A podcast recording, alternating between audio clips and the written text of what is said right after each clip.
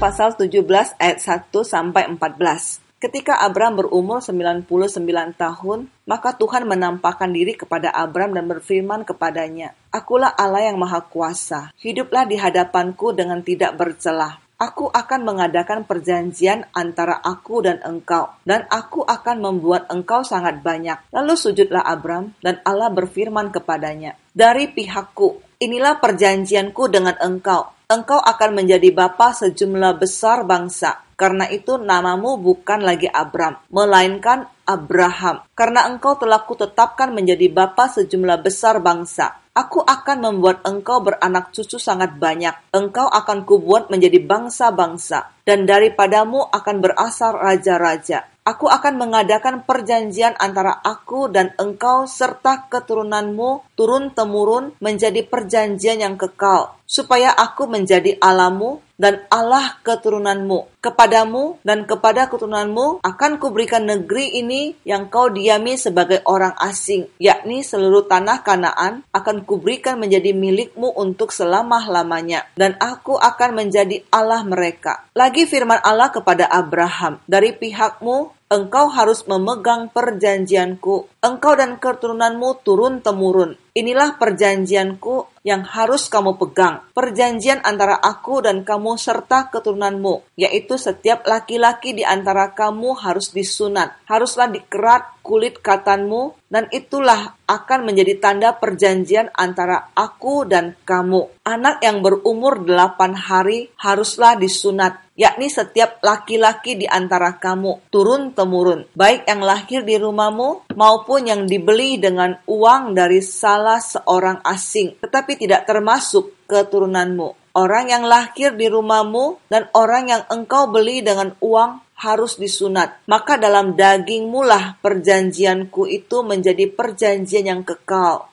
Dan orang yang tidak disunat, yakni laki-laki yang tidak dikerat kulit katanya, maka orang itu harus dilenyapkan dari antara orang-orang sebangsanya. Ia telah mengingkari perjanjianku. Sahabat, Sekali lagi Tuhan memberitahukan kepada Abram akan janji Tuhan untuk memberkati dan memberikan tanah di mana Abram tinggal. Kali ini Tuhan sepertinya membuat sebuah surat perjanjian yang ditandai dengan perubahan nama dari Abram menjadi Abraham. Abram menggambarkan kehidupan lama, Abraham menggambarkan kehidupan baru, di mana dia tidak hanya menjadi berkat bagi keluarga dan orang-orang sekitar, tetapi dia akan menjadi berkat bagi segala bangsa. Nama Abraham memiliki arti Bapak yang terpuji, dan Abraham berarti Bapak dari banyak bangsa. Itu adalah tanda perjanjian pertama. Yang kedua adalah sunat. Saya menggambarkan sunat sebagai materai dari surat perjanjian antara Tuhan dengan Abraham. Perjanjian ini adalah perjanjian yang akan melekat selamanya bagi keturunan Abraham. Dan perjanjian ini hanya untuk keturunan dari Abraham yang didapat dari Sarai. Dan Tuhan menggantinya dengan panggilan Sarah. Sarai berarti putri atau putri raja. Menjadi Sarah yang berarti ibu dari bangsa-bangsa. Tidak hanya sekedar perubahan nama atau panggilan, tetapi juga perubahan karakter dan hati. Hati yang tadinya sempit menjadi lebar. Hati yang hanya memikirkan diri sendiri dan keluarga menjadi hati yang memikirkan rencana Allah bagi bangsa-bangsa. Sahabat, kita tidak perlu mengganti nama untuk menunjukkan perubahan di dalam kehidupan kita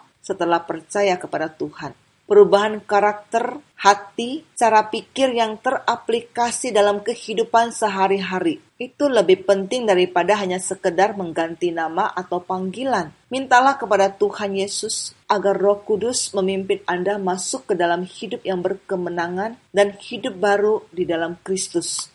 Amin.